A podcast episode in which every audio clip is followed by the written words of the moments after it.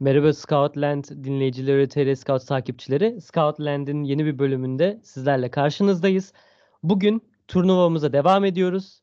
Ee, bildiğiniz üzere geçen bölümde Avrupa'nın en iyi Avrupa'dan gelmiş, Avrupa kıtasından e, gelen Türkiye Süper Lig tarihinin en iyi e, 16 oyuncusunu konuştuk ve onları karşılaştırıp bir üst tura çıkanları değerlendirdik. Şimdi de diğer kıtalardan e, gelen ülkemizde oynamış ve iyi performans göstermiş 16 e, oyuncuyu karşılaştıracağız ve ilk turları oynatacağız. Çok da değerli iki konuğum var. Çok değerli Emrah Derel ve ve çok değerli Ahmet Sayarlıoğlu ile birlikteyiz. Beyler hoş geldiniz. Hoş bulduk. Hoş bulduk.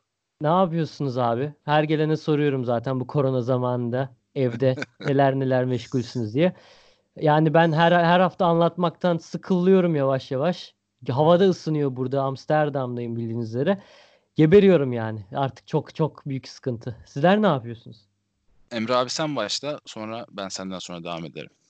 Yani ben bu dönemde biraz daha kendime bir şeyler katmaya çalışıyorum. İngilizce biraz speaking alıştırmaları yapıyorum. Yani onu biraz advanced düzeye çekmeye çalışıyorum. Herkes gibi ben de dizi, film, belgesel izliyorum, kitap okuyorum. Bir de tabii bölgemdeki liglerden maçlar izliyorum. Biliyorsun uzun bir Güney Amerika serüvenim oldu. Aynen. Ardından kendimi şimdi Bri- Britanya'da buldum. Doğru Al, yani. alışmaya çalışıyorum oraya da yavaş yavaş. Yani o şekilde genel hatlarıyla.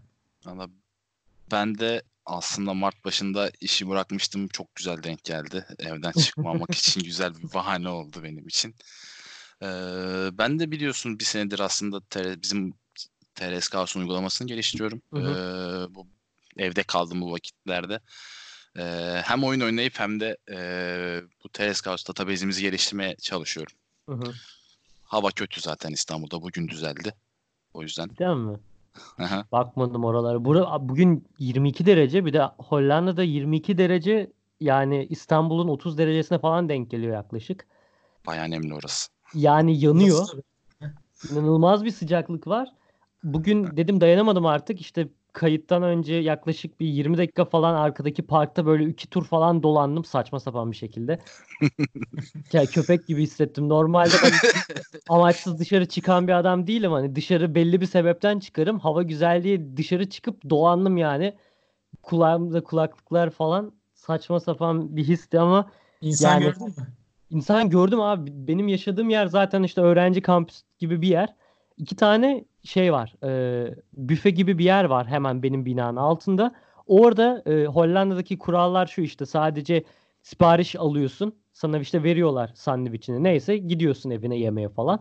Abi herkes sıra yapmış burada. Her etraftaki insanlar toplanmış. 15 kişi böyle kuyruk yapmış. Arada bir buçuk metre mesafe var.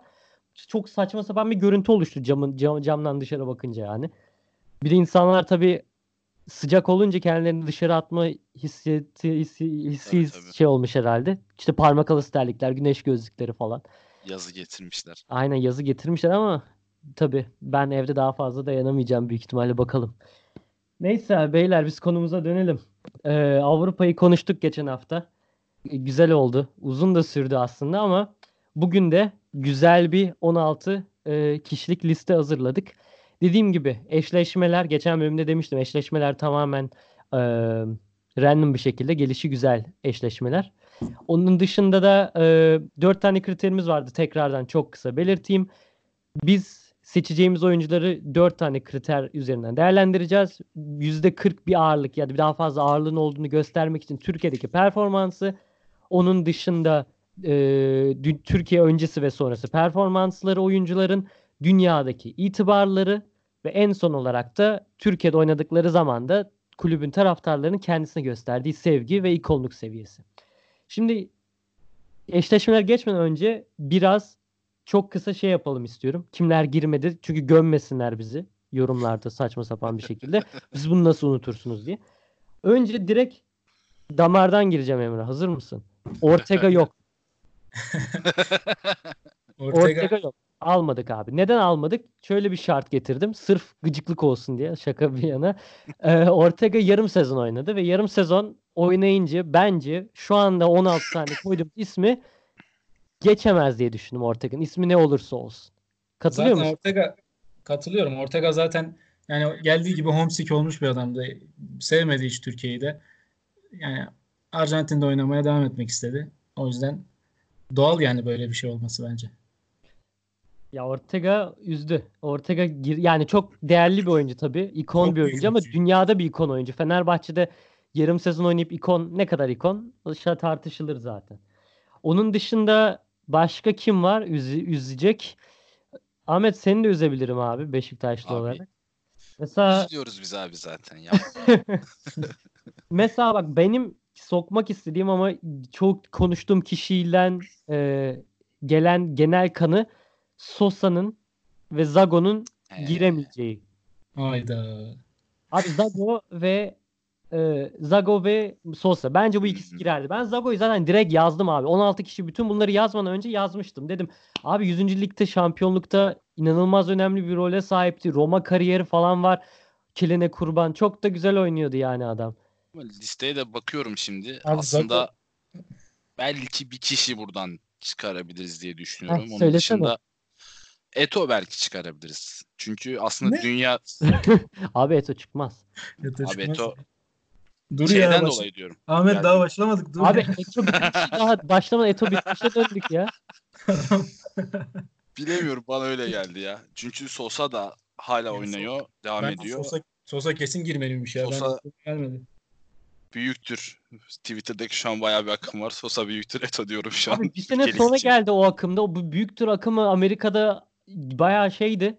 Akmış gidiyorduk. Nereden kim uydurdu anlamadım. Bık, ben bıktım onu görmekten ya. Yeni görmüşlerdir bizimkiler. anca Aynen abi 7 görmüşlerdir. saatte yani beyin ya kusacağım artık görmekten. Cidden çok saçma. Ya da eldekileri bitirdiler, evde sıkılıp geçmişe döndüler. Aynen. Aynen. Olabilir artık. Stoklar tükendi herhalde entertainment.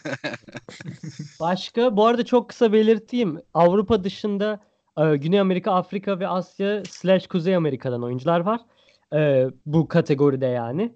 E, giremeyen başka kimler? İşte Amokachi mesela Beşiktaş efsanesi. O da vardı belli bir süre ama Amokachi'nin Türkiye performansına baktığımızda çok iyi gözükmüyor yani istatistiklere falan. Ya, Özellikle.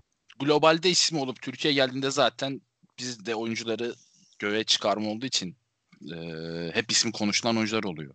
Evet. Globalde iyi olup gelenler. Aynen. Aynen.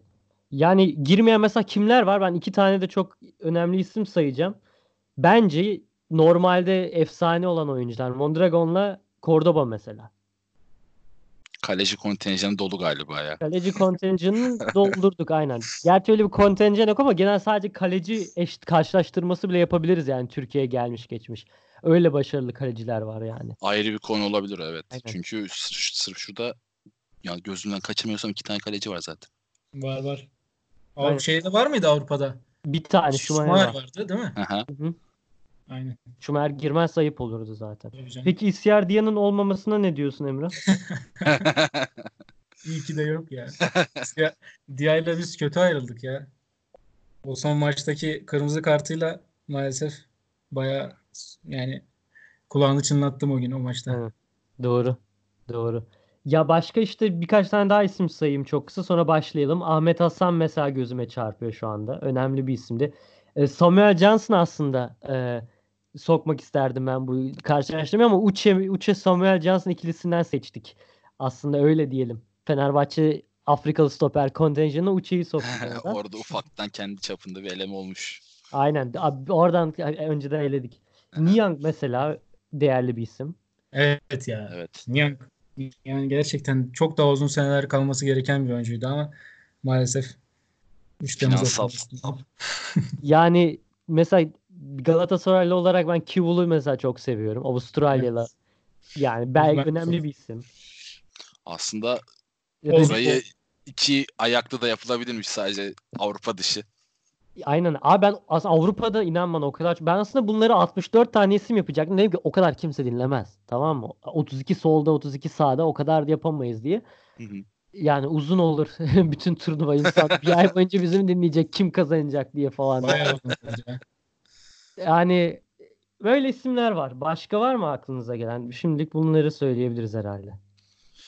David. Başka yok. Yani David tabii o da önemli bir figür Fenerbahçe tarihinde ama yani bu isimlere bakıyorum. Bu isimler de Yani öyle kolay kolay elenecek oyuncular değil hiçbiri. Ya bunların alt sıra altında birbirine çok yakın bir sürü oyuncu var ama cidden burada ben sadece Eto hariç hepsi. Ya Ahmet dur ya. okey. Bitirdin abi Eto ya. adam adam Eto'yu yedi ya hemen gel, girer Hayır girmez. dur abi dur. Ben oraya gelince ya gelmeden- konuşurum. Ben oraya gelince konuşurum. Eto'ya gelince yandık abi. Neyse şöyle bir e, olayımız olacak. Bu eşleşmeleri konuşacağız. Üçümüz birlikte en biraz değerlendikten sonra da en sonunda kısaca bir oylama alacağız. Üç kişi olmamızın sebebi de çok mantıklı bence. Dört kişi olsak 2'ye 2 olacak. Yazı tura atma gerek yok. Üç kişiyiz. İki kişi öne çıkacak zaten. Ya da üç evetle uğurlayacağız. Ee, deyip başlayalım mı? Başlayalım. Başlayabiliriz. İlk eşleşmemiz iki Fenerbahçe efsanesi. Birisi daha çok efsane gerçi. Emre o yüzden direkt sözü sana bence verelim. Alex vs Musa Sov. Buyurun efendim. Yani Sov için bayağı sert bir rakip olmuş. Sov'dan bahsederek başlayalım gönlü kalmasın. Çünkü yani bu işlerin Belli yani. Belli yani. Hemen oyu belli etti. Galibi tartışmasız belli gibi çünkü. Yani Musa Sov Fenerbahçe'ye Lig 1 şampiyonu ve gol kralı olarak geldi. Lille'den geldi biliyorsunuz 10 milyon euroya ki o dönemki Lille'i de hatırlayanlar olacaktır. Rudi Garcia'nın takımı şampiyon oldular zaten. İşte Cervinho'lar, Stoper'de Rami vardı bu sene Fenerbahçe'de oynayan. Yine Çecu da o takımdaydı. Oynayan Eden mı Hazard. dedin? Eden Hazard, Johan Kabay. Efendim? Rami'ye oynayan mı dedin? Ha, Rami de o takımda değil miydi? Ama Öyle hayır Fenerbahçe'de de oynayan dedin de onu Ha, Fenerbahçe'de bulunan. Bulun. Yani çok önemli bir takımdı o da. Sov da 10 milyon euro gibi bedelle ki o dönem Fenerbahçe'nin mali şartlarını düşünürsek inanılmaz bir paraydı. Birkaç yönetici bir araya gelip dışarıdan da kaynaklarla toplanan bir parayla alınmış bir oyuncuydu. Yani çok büyük bir oyuncuydu. Musa Sov da önemli bir figür. Ama Sov'a baktığınızda mesela sen az önce dedin yani iki efsane. Hı. biraz daha yani simge isim diyebiliriz. Fenerbahçe tarihinde yani efsane olan, olma rütbesine henüz erişememiş bir oyuncuydu. Ama Alex yani heykeli olan bir efsane. Heykeli dikilmiş bir efsane. Yani biz burada bir efsane ile simge ismi karşılaştırırsak tabii ki galibi efsane isim olacak. O yüzden tabii ki Alex diyorum ben. Ee, ben buradan devam edeceğim. Yine benim de oyum Alex olacak tabii ki burada en baştan belirteyim. Ee, Musa Sov e, Fenerbahçe bir sürü katkı sağlamış. Lille'de çok güzel bir sezon geçtikten sonra güzel bir bedele gelmiş bir oyuncu. Ee, çok canımızı yakmıştı röveşatalarıyla. Ee, evet çok seviyordu. Çok iyi hatırlıyorum. Bütün golleri göz önünden gitmiyor. Ee, ama burada bir Alex gerçeği var. Ee, çok fazla konuşmaya da gerek yok. Ki o da Beşiktaş'ı çok severdi. Alex de çok atardı Beşiktaş'a. O sezonlarda zaten biz üçer üçer gönderiyordunuz zaten. Hatırladığım bir tek bu var. Ee, bu, bu eşleşmede Alex hakkında konuşmayacağım. Ee, Alex diyorum ben. Yani abi ben istatistiklere sadece bakıyorum tamam mı? Şimdi sol bir forvet, bir hücum oyuncusu. Her 155 dakikada bir e, Türkiye Ligi'nde gol bulan bir isim. Musa Sov. 142 maçta kaç gol atmış? 67 gol atmış. Süper Lig'de bu arada. Türkiye'de değil sadece Süper Lig'i hı. Asist Abi sayısı Alex- da bayağı iyi. E, efendim? Sov'un asist sayısı da bayağı iyi. Her- Yani her sezon ben 7-8 asisti Aynen. y- Bulduğunu 19 hatırlıyorum. asisti varmış Süper Lig'de. Abi Alex ofansif orta saha. Yavaş bir adamdı. Bir de hani öyle dinamik, aşırı dinamik e, bir oyuncu da değildi. Abi 241 maçta 106, 136 gol, 113 asist ya. Şaka gibi 149 dakikada bir gol bulan bir ofansif orta saha bu adam. Ve asıl olayı da aslında hani tekniği, o maestroluğu falan yani yine de 136 gol. İnanılmaz bir istatistik gerçekten. Bir de Brezilya dedin yani yavaş bir adamdı ama herkesten bir iki üç kat hızlı düşünen bir adamdı. Onun etkisini çok büyük gösterdi. Aynen kariyerinin çoğunu bir de hani Türkiye'de geçirmiş bir isim. Brezilya adına 67 maçta forma giymiş yine de. Hani Fenerbahçe'de oynadığı oyun hani sadece Süper Lig'in zayıflığı falanla da açıklanamaz yani. Adamın adamın oynadığı seviye bambaşkaydı oynadığı zamanda. Brezilya milli takım kaptanlığı da yaptı ya. Tabii Tabii canım. tabii. Yani çok çok farklı bir oyuncuydu. Keşke böyle bitmeseydi bence. Sonu Evet. çok kötü oldu. Aynen. Yani bir e, yani Musa Sov bir Alex değil, değil mi? Tabii canım.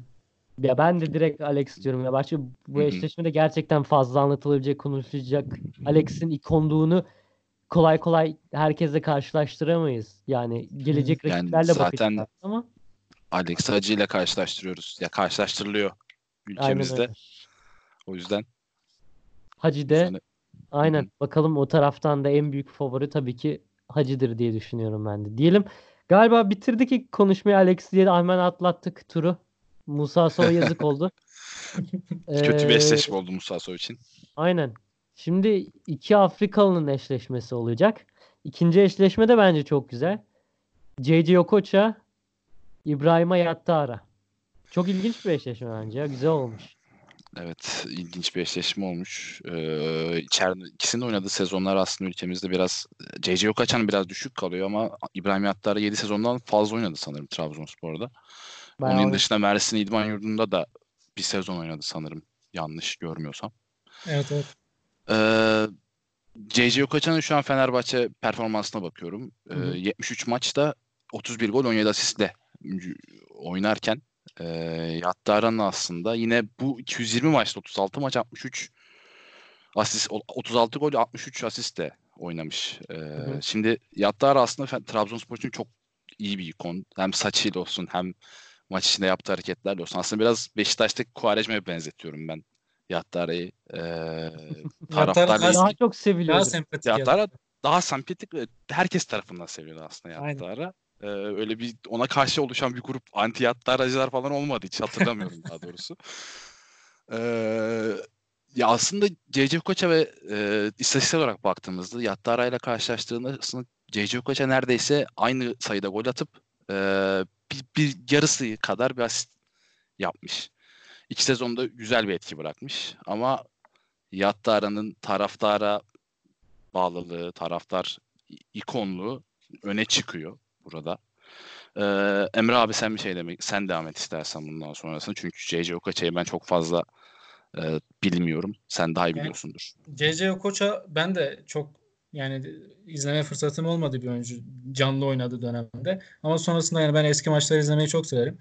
Okocha'nın hatta şeyi de çok iyi hatırlıyorum. Yani Bolton Wanderers dönemi Okocha'nın e, bizim daha böyle futbolu daha iyi yorumlayabildiğimiz hani biraz daha haşır neşir olduğumuz dönemler. Okocha'yı ben Bolton Wanderers'ta izlerken yani diyordum bu adam böyle bir adam Fenerbahçe'de oynadı ve ben bu adamı denk gelemedim. Onun üzüntüsünü çok yaşadığım için Bolton Wanderers'ın o sezon maçlarını denk geldikçe yani iyi bir takipçisiydim. Muhakkak yakaladıkça izlerdim hep o takımı. Şey de vardı hatta El Hadji Diouf. Hı hı, hı aynen. Mesela o- bunların da olduğu bir takımdı. iyi bir takımdı. Fadiga da vardı şeyden e, Senegal'den. O da o takım da çok iyiydi. O koça da inanılmazdı ki o koça mesela Fenerbahçe'de biraz daha 10 numara oynayan bir oyuncuydu. Frankfurt döneminde de öyle ama Premier Lig'de Bolton Wanderers döneminde ben biraz daha hani merkez oyuncusuna evrilmiş bir oyuncu olarak e, görüyordum onu. O, da, o, nedenle hani biraz istatistiklere baktığımızda sanki Premier Lig'de biraz istatistikleri düşmüş gözüküyor ama aslında o maçlarda da inanılmaz yani inanılmaz maçlar çıkarıyordu orada da. Ben açıkçası Türkiye yani Türk futbol tarihine bu topraklara gelmiş en yetenekli oyuncuların başında olduğunu düşünüyorum. İnanılmaz bir top tekniği var. Aynen. Yani topla bu kadar aşırı neşir olab- iyi aşırı neşir olabilen bu kadar e, topla ne yaptığını bilen bu topraklarda az oyuncu izledim. O koça inanılmaz bir yetenekti gerçekten de. Yattara da dediğiniz gibi o da yani sevilen bir isimdi. Çok özel bir oyuncuydu. Taraf taraftar futbol severin gönlünde yer etmiş sempatik biriydi. Yattara ile ilgili aklıma şey geliyor. Dönemin Trabzonspor Başkanı Roma Yattara'yı istiyor.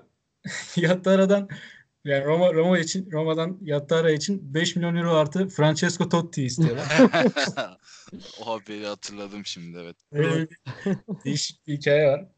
Yani her ne kadar Trabzonspor Başkanı dönemin öyle düşünse de ben burada o koçanın bir tık daha önde olduğunu düşünüyorum. Hem kariyer olarak hem de e, topçuluk olarak çok daha önde bir isim bence Abi koç. çok zor bir eşleşme bence ya. Yani Yani zor bir eşleşme ama hani senin verdiğin kriterler üzerinden gidiyorum. hı hı, Dünya itibarı ve e, Türkiye öncesi sonrası onlar Tabii. o koçada çok daha önde gibi gözüküyor bana. doğru öyle bir öyle bir durumu var. Yani şimdi o Yattara'nın Türkiye performansı o koçadan ne kadar daha iyi karşılaştırmak zaten çok zor. Farklı bir futbol oynanıyor. Farklı takımdalar. Evet. Ee, oynadığı pozisyonlar farklı vesaire. İstatistiklere sadece baksak mesela e, Okoça'nın istatistikleri kötü değil yani. 62 maçta 30 gol 16 asist. Yani kötü bir istatistik değil. Sadece istatistik Gayet iyi. konuşursak. Sadece Gayet iyi. Güzel bir istatistiği var. Bayağı iyi bir istatistiği var hatta. Ben bir de şöyle bir şeye dikkat çekmek istiyorum. Beyler şöyle bir durum var. Ben şimdi mesela geçen bölümde Baliç hakkında şöyle bir değerli e, ya şöyle bir önem öneminden bahsetmiştim Baliç'in. Bence Okocha ile birlikte Fenerbahçe'nin ya da Türk futbolunun Avrupa'ya oyuncu satabildiğini kapılarını açan iki isim yani abi. Baliç de e, Okocha da çok değerli e, bonservis bedelleriyle Türkiye'den ayrıldılar Fenerbahçe. İnanılmaz. O döneme göre yani 12 milyon euro, 21 milyon Yani euro çok büyük para. 98 yılında 12 milyon euroya Paris Saint Germain'e satılmış Ece Okaç'a. Çok iyi bir bedel o sezon için yani. Tabii canım yani yani bence bu iki futbolcunun transferi 98'den itibaren yani bence Okoça'nın transferinden itibaren Baliç bir sene sonraydı galiba 99'daydı yanlışım yoksa. Ee, o dönemlerden itibaren Türk futbolu bence Avrupa'da bir değil iki seviye falan atladı. O yüzden öyle bir çıkışa geçtik genel olarak. Türk öyle. Yani böyle böyle böyle bir önemi var bence hı. Okoça'nın Fenerbahçe'den transferinin. Abi onun dışında Yattara deyince aklıma kol bastı dansları geliyor.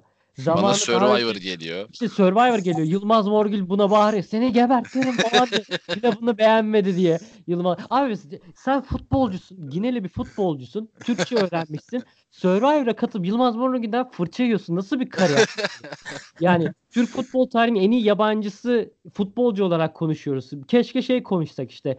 Ee, işte sadece işte neydi? Şey dışı. Futbol dışı en iyi 11'ini çıkarsak mesela. Net adam ilk 11'de Güzel yani. Numa önde, Yattara kanatta falan böyle. Kejman yanında olsa hani yediği küfürler sebebiyle. Abi, güzel bir videomuzda. Aynen. Herkes izlemiştir o videoyu zaten. inanılmaz bir video ya. Abi inanılmaz sarhoş da.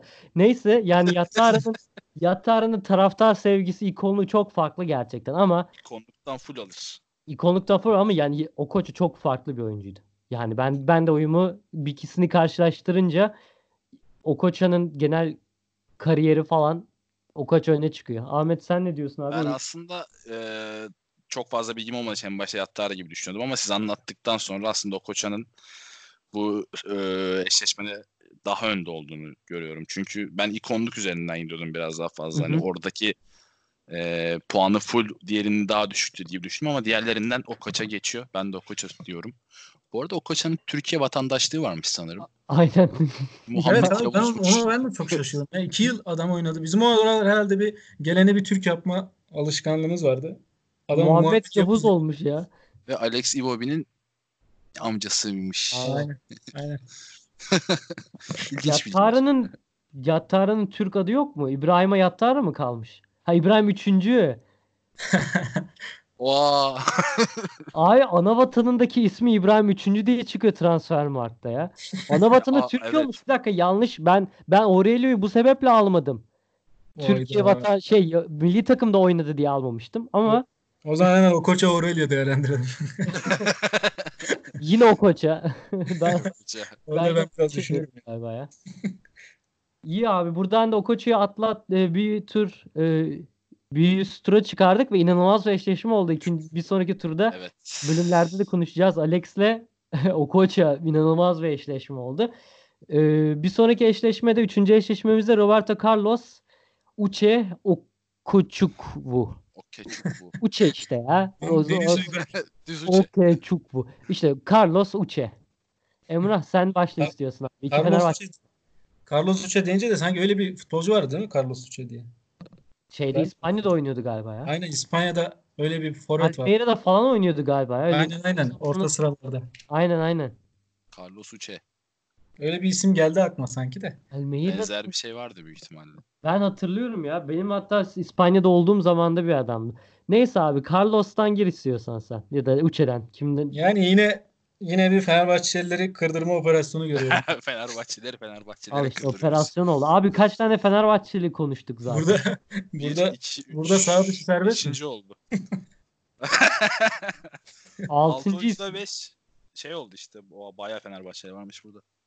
şaka maka yani bu da çok tartışması olmayacak bir eşleşme bana göre. Yani Uche tabii Fenerbahçe tarihinde çok önemli bir figür. Kaptanlığı da yaptım, yapmış bir oyuncu. 8 sene yanlış hatırlamıyorsam oynadı.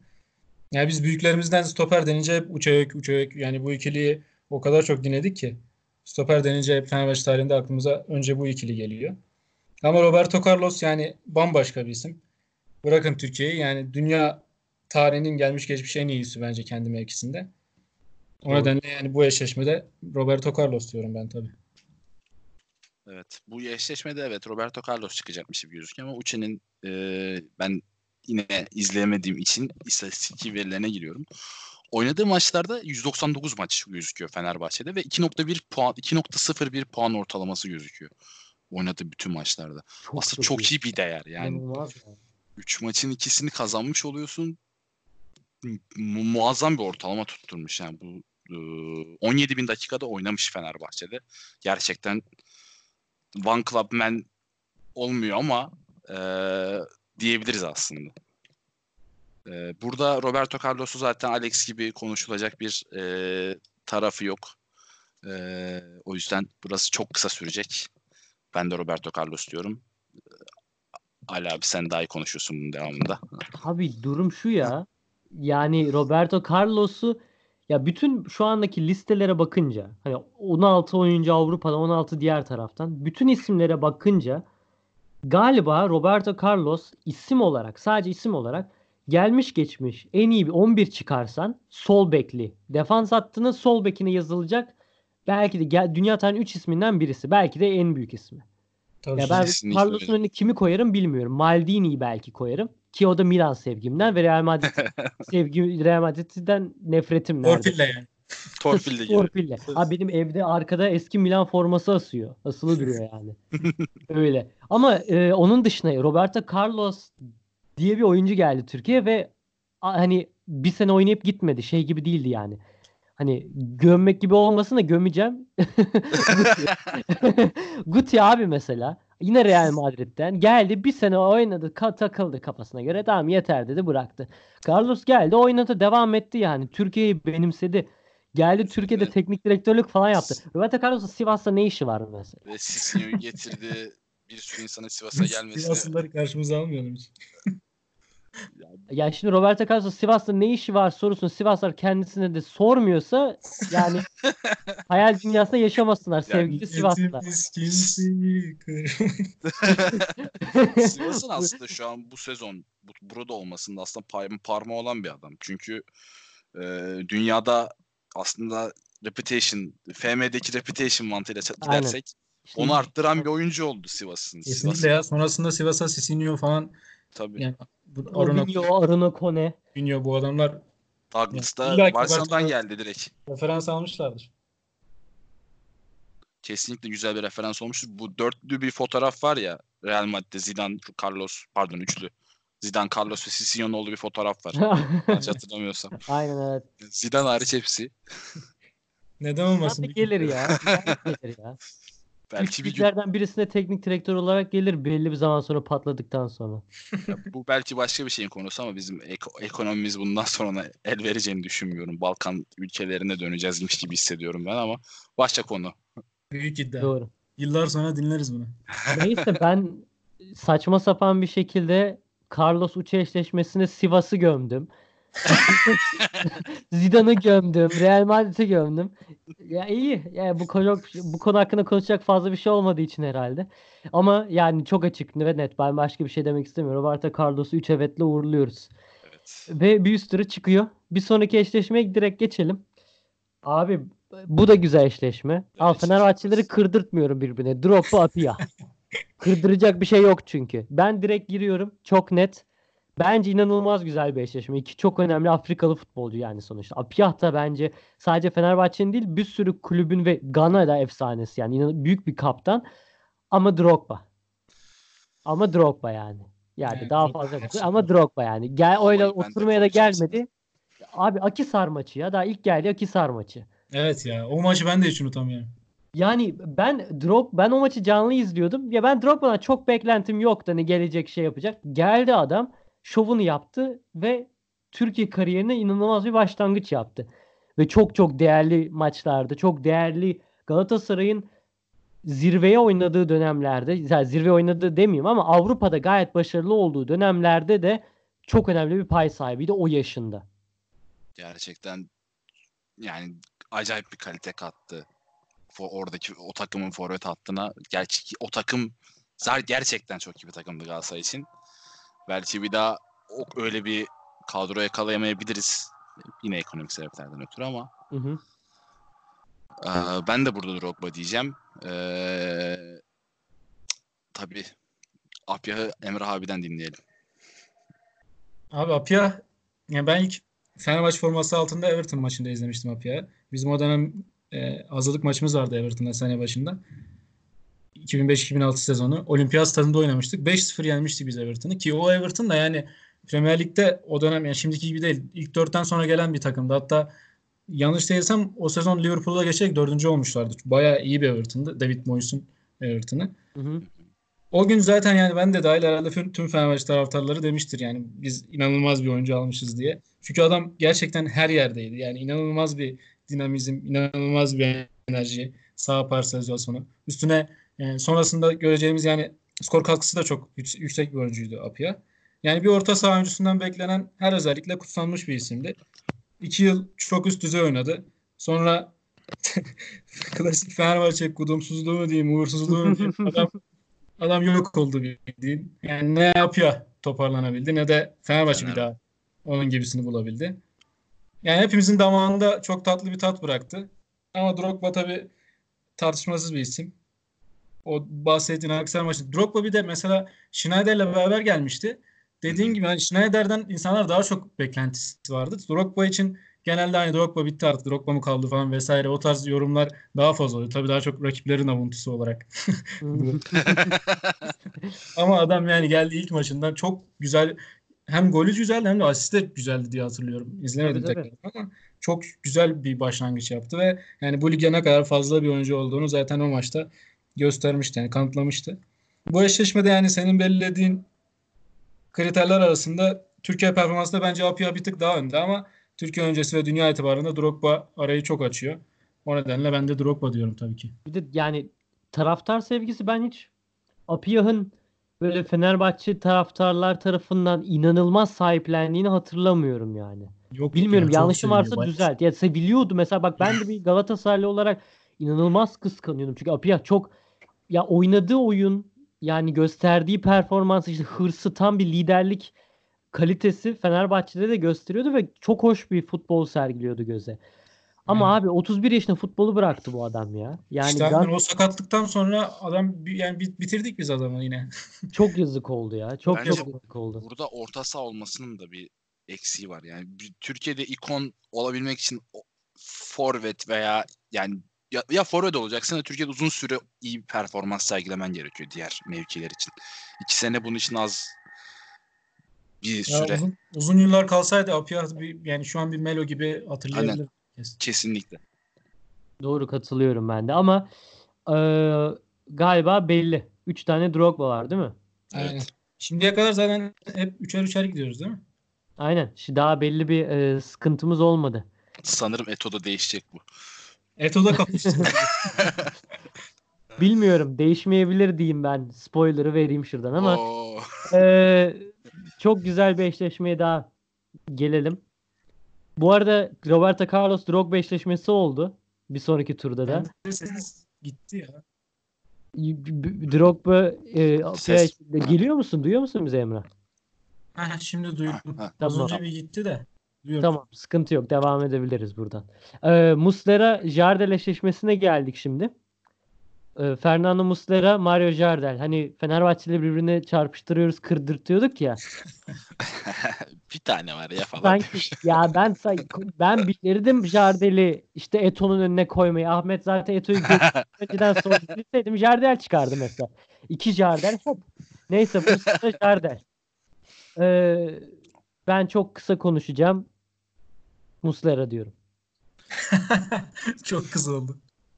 Şimdi ben de bu kadar kısa konuşabilirim ama e, Jardel zamanında cidden çok yüksek paralar yani Türkiye için şu an belki konuşamayacağımız 17 milyon euro verilmiş bir oyuncu ve geldiğindeki insanların anladığım kadarıyla e, damaklarında bir böyle bir tad bırakıp evet. ve gitmiş. E, burada da ben Muslera diyeceğim çünkü çok uzun süredir Galatasaray'da oynuyor. Şampiyonlukların çoğunda çok yüksek katkısı var. Zaten ikon olmuş. E, Yattara'nın hani bu şey dışında da konuşulması oluyor ya. Hani sağ dışında da konuşuyoruz dediğimiz. Aslında Muslera da o raddeye gelebilmiş. E, ülke de futbol dışında da konuşulabilen bir adam olmuş. Hani capslere konu oldu. Çayı da ben koyayım dediler. ee, bir sürü konusu oldu ve Muslera burada çok önde. Tabi Jardel de damaklarda tadı bırakıp gitmiş. Yani 41 maç 32 gol 4 asist ne demek ya? Abi adam adam şeyde de öyle ya. Portekiz liginde 4 tane gol krallığı 4-5 tane gol krallığı var. Hepsi 36 35 40 yani adam bildiğin gol makinesi tabirinin gerçek bir yansıması Jardel herhalde. Helikopterle indirmişlerdi değil mi bunu? Aynen. Başbakanlığı oynayan zamanında değerli bir iş adamı, o zamanın değerli bir iş adamı e, yardım etmişti Galatasaray'a. Değerliliği tartışılır. Değerli işte değerli şey içine e, neydi onun adı? Parantez içinde Parantez değil, içine mi tırnak, Tırnak içinde, içine. tırnak içinde. Daha yani sonra da aynen. hemen bir sezon sonra da alınan fiyatın üçte biri bedele satılmış. Jardel'de ben şeyi araştırmıştım. Jardel'in onda da bir eş durumundan sıkıntı yaşamış. Bizim Guiza ile yaşadığımız sıkıntının benzerini Galatasaray'da Jardel yaşamış. Herhalde karısı sevmemiş Türkiye'yi. Portekiz'e ben dönüyorum demiş. O da mecbur dönmek zorunda kalmış. Biraz kılıbık bir arkadaşmış sanırım. Sosa da bunu bahane etmişti abi inanmayın. Sonra geliyorlar tıpış tıpış geri.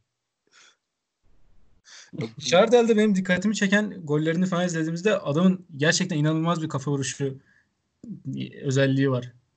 Yani zınk diye böyle topu kaleye sokabilen golcüler oluyor. Falcao da mesela öyledir. Kalecileri aşırı çaresiz bırakan bir durum. Bu golleri çok iyi atabilen bir oyuncu Jardel. Onun da tabii zamanında çok yetişemedik biz ama eski maçlardan, eski gollerden hatırladıklarımız hep güzel goller. Muslera yani dediğiniz gibi hep söylenecek her şeyi söylediniz. Muslera'nın ben en çok yani şey özelliğini hatırlayacağım. Muslera'nın pozisyon bilgisi inanılmaz seviyede. Bence bir kaleci yani Muslera'yı iyi bir kaleci yapan en önemli etmen onun pozisyon alma bilgisiydi. Çünkü adam o kadar yani zor bazı bazı kalecilerin çok zorlanabileceği kurtarışları o kadar basit gösteriyordu ki o kadar doğru yerde duruyordu ki yani çok basit gösteriyordu bu durumu. Ben zaten bu da yani işini iyi yapan insanların en önemli özelliği bana kalırsa. O yüzden bu burada zaten Muslera dediğiniz gibi çok açık ara önde. Burada da 3 Aynen burada da 3 Muslera aldık o zaman değil mi? Aldık. Muslera aldık. 3 Muslera aldık. Aynen 3 Muslera aldı. Ya. Ahmet hadi Evet. bakalım. Eto neden burada olmamalıydı? Eto, pa- Ee, Eto Bataya. Bataşa. Pardon Bataşa. Ben şimdi neden Eto'nun burada olmaması gerektiğini düşünüyorum. Sosa şimdi hala oynuyor.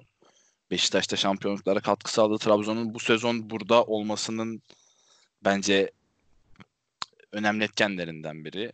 Ki çünkü çok sakatları var sezon başında ve takımı güzel orkestre eden bir adam. Sosa nereden puan kaybederdi? Ee, ikonluktan bence çok puan kaybederdi. Çünkü taraftarla çok arası iyi olan bir adam değil. Hiçbir takımda olmadı sanırım. Dolonuk bir adam. Ben o yüzden burada Sosa olur diye düşünüyordum. Ee, Eto'ya gelirsek Eto Bataş eşleşmesine. Eto global bir star. Bunu konuşmamızın bir manası yok. Ama Türkiye'ye e, geldiğinde herkes yatacak diye düşünüyordu. E, Antalya Spor'da öyle olmadı aslında. Çok daha güzel bir performans sergiledi. Şu an istatistiklerini tam olarak bilmiyorum. Bir açmam lazım, bakmam lazım. E, ama Bataş'a geldiğimizde ise Bataş'a Bursa Spor'u yanlış hatırlamıyorsam şampiyon yaptı. Şampiyon Tabii, yapan kadronun önemli, çok önemli bir etkeniydi ve ben burada bunu göz önünde bulundurarak ki taraftan da çok sevdiği bir isim Bursa Spor'da. Ee, o yüzden Bataş'a ya oy vereceğim ben burada. Ee, işin istatistik ve daha detay kısmını size bırakacağım. Ben devam edeyim mi o zaman? Tabii buyur. Ben de istatistik Yani- çok fazla belirtecek yok çünkü. Samuel Eto'o o da mesela Drogba gibi Afrika kıtasının yetiştirdiği yani en iyi ilk 5 yani tarihin en iyi ilk 5 rahatlıkla girebilecek bir oyuncu bana kalırsa. Türkiye performansı da çok parlak bir adam. Adam Yani 34 yaşında Gerçekten geldi. Çok iyi ya. 20'şer 20'şer attı gitti resmen yani. bir de bu isimlerin ülkemizde bu yaşlarda dahi başarılı olmaları bence ilgi çekici bir konu. Yani ligimizin hem taktiksel hem de fiziksel standartlarını sorgulamamız gerektiğini bence gözler önüne seriyor. Tabii bu, bu yani bambaşka bir yayın çekilebilir bunun üzerine. Başka bir zaman konusu. Bataja Bataja da yani dediğiniz gibi Bursa Spor şampiyon yapmış bir isim.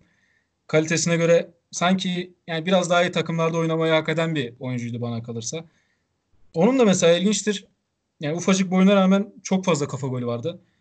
Tabii o daha çok yani doğru zamanda doğru yerde olmasıyla atıyordu ama e, kafa vuruşu tekniği de çok iyi bir oyuncuydu. Mesela en son ben şeyi hatırlıyorum. Kadıköy'de Nöştader'in yanından çok şık bir vuruş yapmıştı. Yine Volkan Demirel'in kontrolü kontrolüyle ağlarla buluşan tam köşeye giden bir goldü.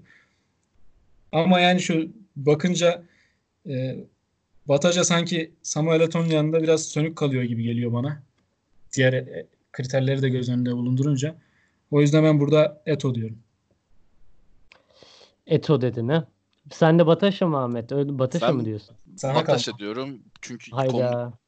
çünkü ikonluk kısmında şey ikonluğundan bahsediyoruz değil mi? Ülkemizdeki ikonluğundan Tabii tabii bahsediyoruz. taraftardaki taraftarın Bursa için ikonluğundan.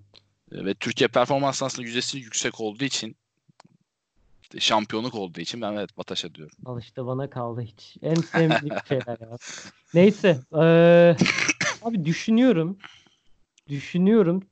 Süper Mesela Lig'de Şöyle şöyle yapabiliriz bak. Türkiye performansı %40 demişsin. Mesela Türkiye performansında Eto'ya 40 üzerinden kaç veririz? 35 veririz herhalde. yani ben 30-35 arası veririm. Ben Bataja da 35 bir arası veririm. 35. Bataja da bir 35 alır. Bence burada hemen hemen aynılar. Ama şimdi Bursa ile yaptıkları işler çok fa- farklı ya. Adam Şampiyonluk Bursa'da farklı. şampiyon olan takımın en iyi oyuncusu. Yani ben ona peak dönemi var ya mesela peak döneminden bir ekstra 3-5 puan ver, vermek isterim mesela Bataş'a. Hani 30 33 ise 36, 35 ise 38 falan öyle bir şey. Tamam burada Evet. diyelim Bataj, Bataja burada daha önde olsa bile Türkiye öncesi ve dünya itibarında Eto arayı çok açıyor abi. Yani bu kriterler üzerinden gidersek bence Eto daha uygun gibi geliyor bana. Hmm. İkonlukta da önde oluyor.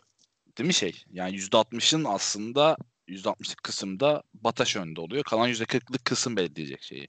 Aynen. Evet. Mesela şimdi %60'ın kısmında yani 2'de yani iki kategorinin değeri 3'te 2 ise mesela Bataş orada bir tık önde galiba. Türkiye öncesi sonrası ve dünyadaki itibarı da Eto. Ama mesela ikonluk seviyesinde Bataş ile Eto karşılaştırılamaz galiba ya. İkonlukta çok fazla puan almaması gerekiyor. Çünkü. Eto'nun ikonluk olayı yok hiçbir takımda. Tabii yani sevilen bir isimdi tabii de Bataja Ben- çok daha başka bir yerde. Ben Bataş'a one- one galiba man- One Club Man gibi oldu burada. ben gal Bataş'ın hala oynuyor futbol oynuyor olması peki. Evet. Arjantin'de oynanır. Orada oynanıyor. Daha gider yani. Ben bir de şeyi aşırı saçma buluyorum. Bursa Spor Çin'in en zengin takımlarından birisine sadece 3,5 milyon euroya satması 2014 yılı olsa bile Çok kötü. çok ucuz, inanılmaz kötü bir e, değerlendirme. Ama O, o Beyler, dönem ben- Çin'in patlamadığı dönemdi değil mi ama? Daha Aynen. öyle paralar saçmıyorlardı. ama yani hala ya yine de zenginlerdi yani. Ya yani. Ben ben galiba Bataş'a diyorum ya. Tamam. Eto'yu uğurluyor Aynen muyuz? ben ben Bataş'a diyorum. ben Eto'yu- Bataş'a yani Kamerun halkını da karşımıza. Eto'yu Eto'yu yedim galiba ya. Eto yedik. Eto bitti bu Eto'yu sefer yedik. kesinlikle. Eto. Eto bitmiş.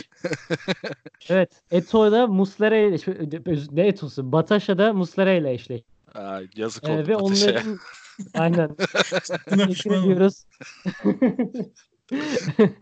bir sonraki eşleşmeye geç- geçelim. Son iki eşleşmemiz kaldı. Şey, Claudio Taffarel, Atiba Hutchinson. Bu da çok güzel. Beşiktaşlı.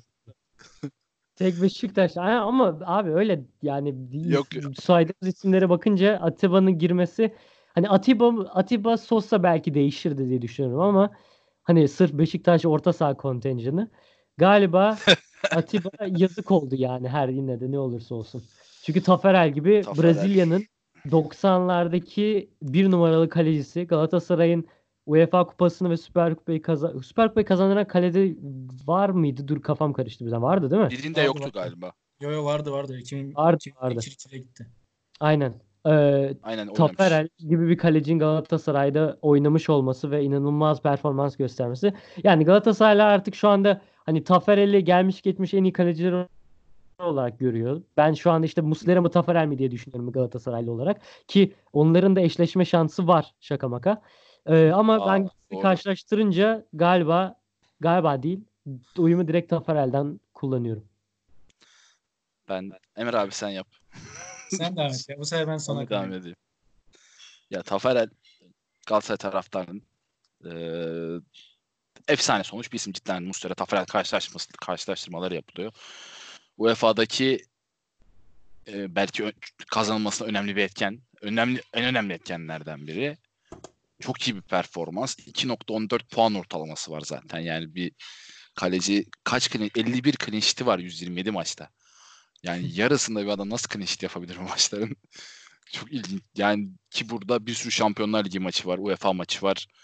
Muazzam bir performans. Atiba da garibim, emekçi. Beşiktaş orta sahasını toparlamaya çalışan. Kaç sezondur herkesin yükü ona biniyor. Ee, benim için bir kulüp efsanesidir Atiba. Ee, yani Quaresma ile karşılaştırıyorduk bunu sene başında hangisi daha efsanedir diye. Ben her zaman Atiba diyeceğim. Hatta bir çocuğum olursa erkek olursa Atiba, ço- kız olursa Atiba Su koyacağım ismini. Atiba her zaman orada olacak. Ama burada önde efsane. ya. Quaresma ile efsanelik konusunda bence kıyaslanamaz Atiba'ya. Atiba, Atiba çok önde ya. Çok önde bence de. Yani işte diyorum orta saha olmanın getirdiği bir dezavantaj var Türkiye'de. Orta sahaların kolay kolay efsane olması çok zor.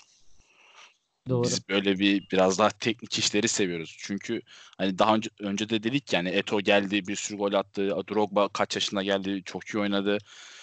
Alex yani burada aslında bir ortak nokta var. Bunların hepsinin tekniği çok iyi. Bizim ligimizde teknik eksikliği var. Ee, ve herhangi bir teknik oyuncu geldiği zaman çok kolay kulüp ikonu olabilecek seviyede iş çıkarabiliyor. Aynen. Ama işte or- orta saha kontenjanları ikon Aynen. olmaz. O yüzden Abi Atiba yıllanan şarap gibi değil mi ya? Gitgide izlemesi çok daha hoşuma gidiyor benim Atiba. Ben bir ara ben bir ara düşüyor dedim. Bu sezon yine bayağı iyi performans gösterdi. Aslında 2010, şey 2018 oluyor. yanlış söylesem o dönem çok da iyi değildi. Gibi Şampiyon-. Ha, ikinci şampiyonluk senesi mi? O zaman şeydi. Sezon sonu düşüyor gibiydi. Dedik aha Aynen. bitti. Bir Aynen. sonraki sezon yine geldi oynadı. Her sezon sonunda bir düşüyor. Yaşının gerektir yaşından dolayı diye düşünüyorum ki öyle zaten. Ee, ama sezon başına bomba gibi girmeye devam ediyor. Ne kadar daha devam edecek böyle bilmiyorum. Aynen. Hayırlısı. Ama- Burada Tafarel abi. Tabii. Hadi ya. Tüh ben sana Atiba dersin de Atiba'yı çıkartırız diyordum. Vallahi kapatırlar bizi yapma öyle şeyler. Hiç hoş değil. Ama ben bu eşleşme benim, En başta Hakan abi kapattır abi. Aynen aynen. bu eşleşme benim ama en zorlandığım eşleşme oldu hakikaten. Yani Taferel Neyse abi hayda. kariyer olarak çok öne çıkıyor tamam ama Atiba'nın da dolu dolu geçen bir 6 yılı var burada. Hatta belki Tabii tabii. 1-2 sene daha olacak. Yani Beşiktaş suyunu çıkarana kadar kullanacak gibi Bir de bu sezon ofansif orta saha olarak da kullanmaya başladık. Bakalım Atiba nasıl aynen çok saçma sapan bir şekilde seneye forvete geçer herhalde. Çok iyi bir istatistik yaptı şu an Atiba. 4 Ama gol abi, 5 asisti var şu an ya. Bakınca bir Dünya Kupası var, iki, iki İtalya Kupası var, iki Süper Lig Kupası, iki Türkiye Kupası. Yani 101 defa Brezilya milli takımı forması giymiş bir adam. Tabii Çok canım. da Türkiye değerli. öncesi ve Türkiye öncesi ve dünya itibarında Taferel önde. Ama Tabii. Türkiye performansı ve taraftarın sevgilisi olma noktasında ben Atiba'yı yani çok daha önde görüyorum açıkçası. Abi Tafarel Galatasaray'ın gelmiş geçmiş Hacı'den sonra belki de en iyi yabancı oyuncusu. Abi şöyle ya Tafarel'i de- herhangi bir Galatasaray kötülemeyebilir ama Atiba'yı bir herhangi bir Beşiktaşlı kötüler ya. Bulursun Kötüler mi? yani. Kötüleyecek bulursun Atiba'yı kötüleyecek adam. Sina'ya soralım. Biz öyle bir ortamız. Biz birinin iyi dediğine kötü deme ihtiyacı duyan taraftarlar. Ben zaten dediğim gibi çok zorlandım yani burun farkıyla Atiba derdim. Ha yok öyle öyle acayip bir farklı önde değil zaten bence de. Bir dakika burun farkıyla burun farkıyla Atiba mı derdin Tafarel yerine? Aynen. Ki dedin zaten abi iki oylama yaptık işte. İki Tafarel bir Atiba çıktı eğer Atiba diyorsan. Tamam işte 2-1. Tamam harika tamam iyi Taferel geçti neyse aman aman dur kalp krizi geçireceksiniz bana. Neyse tamam gerekli mecralarda eleştiri alabilirsin Emrah. Ben bir şey demeyeceğim. Dinleyen şey derse. eleştiriyi açığım her zaman. Bak benim için en zor eşleşmelerden birisi buydu mesela. En son eşleşmemiz. Evet, bu da Taferel'in Son eşleşme çok zor.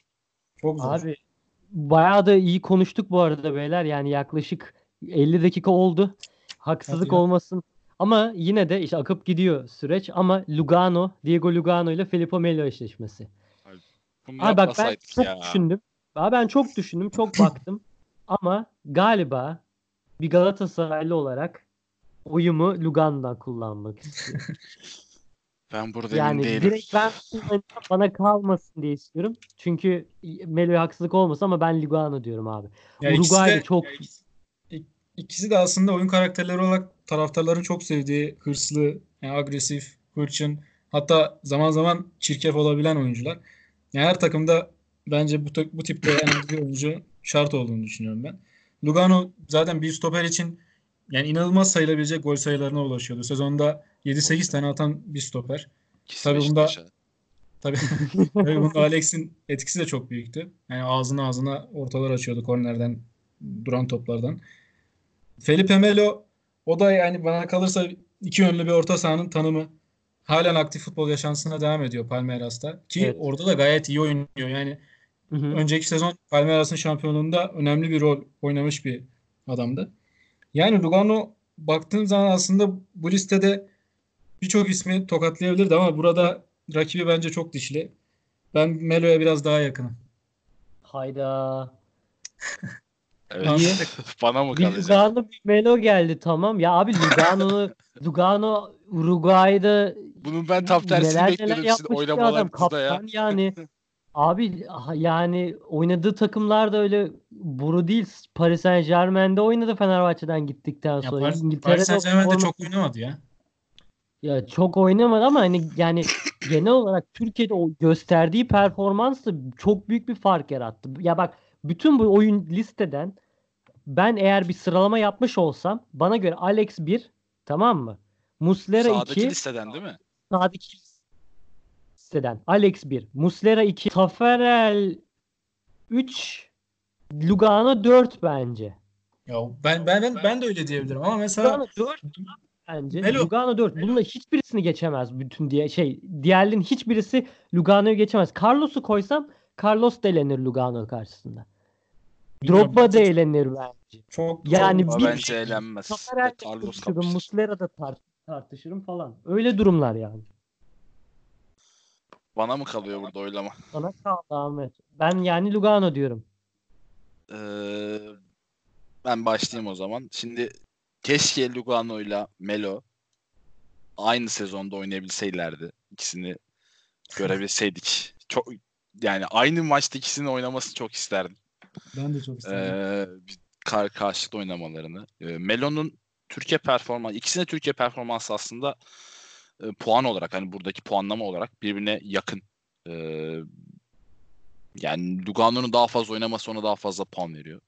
Bence. Bir puan belki. İkonluk olarak ikisi de bence ikon olmuş isimler Fenerbahçe ve Galatasaray adına. Ee, ama Av- Türkiye dışı performansında Melo'nun bir yılın bidon ödülü var İtalya'da. İtalya'daydım bir Ee, onun dışında işte Lugano'nun milli takım kaptanlığı var. Milli takımdaki başarıları var. Bayağı oynadığı milli takım maçları var. Melo'nun da var sanırım ama daha düşük sayıda. Yanlış hatırlamıyorsam. İtalya gittiği zaman galiba seçildi. Emin değilim şeyine. Ee, ben Lugano diyeceğim burada. Çünkü Lugano'nu kesinlikle Türkiye'deki bu %60'lık o Türkiye ile alakalı kısmı e, bir öne geçmelik bence yok. İkisi de aynı seviyede ama Hı. ülke dışı performanslarında Lugano daha önde olduğu için Lugano burada üst tura bence geçiyor 2-1 ile. Abi fe- aramızdaki Fenerbahçeli Melo diyor. Aramızdaki Galatasaraylı Lugano diyor. Lugano'yu savunman gerekirken biz Lugano'yu savunuyoruz abi. Ya ben Lugano için yani burada çok fazla şey söylerim. Çok sevdiğim bir oyuncu. O ayrı bir şey. Ama şu kriterlere şu kriterlere baktığımızda mesela Türkiye performansı bana kalırsa yani %40'sa ikisi de ben 40-40 veririm rahat. Melo da çok Tamam iyi. ben de ben de veririm işte 38 38 falan veririm. E geri Ne? kalanı Lugano abi. De- Ben mesela belki taraftar- taraftar taraftarda da taraftarda da aynı veririm.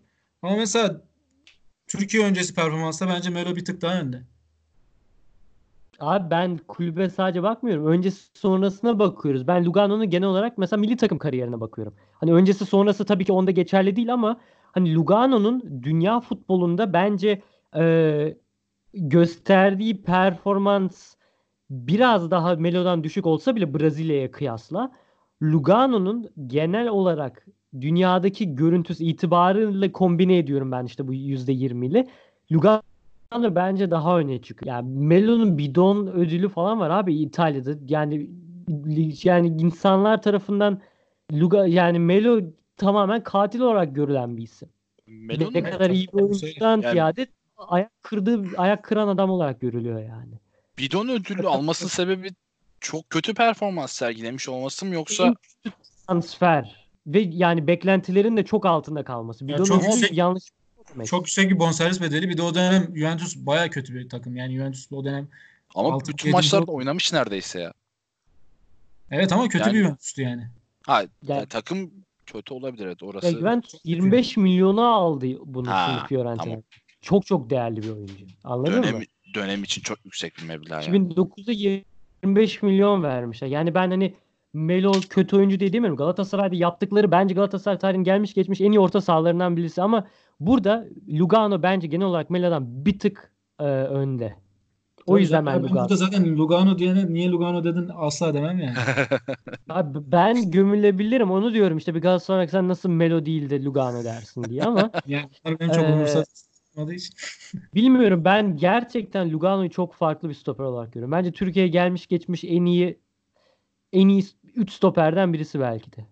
çok iyi Hani performans. isim olarak oynadığı performans olarak vesaire yani çok büyük fark yarattı. bir tek Ki kendisi. Türkiye'de yarattı bir de Lugano. Hani tabii ki Sao Paulo'da falan çok iyiymiş zamanında. Hani ben net iyi bilmiyorum. İyi Ama- Sao Paulo bayağı şeyle vurladı ya. Yani törenlerle vurladı adamı. Ya 7,5 milyonu Fenerbahçe'nin vermesi az buz bir para değil yani sonuçta. Aynen. Orada orada da çok önemli performanslar göstermiş ama ya Fenerbahçe'de ekstra kendisini geliştirdi. Yani yani bilmiyorum. Ben Lugano diyorum. İki Lugano bir Melo dedik. Evet. Ve Lugano'da bir sonraki turda üf Tafarelli. aman Evet. aman aman. Ben çok kısa eşleşmeleri, üst, bir üst tur eşleşmelerini belirteyim. Ondan sonra da kapatalım. Hı hı. Üst tura Alex çıkardık Musa Sov eşleşmesine ve Alex Okocha eşleşmesi oldu. Ondan sonraki e, eşleşme Roberto Carlos, Didier Drogba, Üf. Fernando Muslera Bataşe ile eşleşti, değil mi? Yazık. ve de Tafarel Lugano. Güzel eşleşmeler. Daha da güzel olacak. Evet ilk turu ilk turları kapattık böylece. Çok güzel eşleşmeler oldu. Beyler ağzınıza sağlık. Çok güzel bir muhabbet oldu. Uzun uzun konuştuk. Eyvallah Evet, senin de Akıp sağlık. gidiyor abi. Akıp Teşekkür gidiyor. ederiz. Akıp gidiyor. Yapacak bir şey yok. Tutamıyoruz. Ee, ağzınıza sağlık. Bir üst turda e, eşleşmeleri konuşacağız. Bir sonraki bölümde yakın zamanda e, yayında olacak diyelim. Çok teşekkürler. Görüşmek üzere. Hoşçakalın. Hoşçakalın.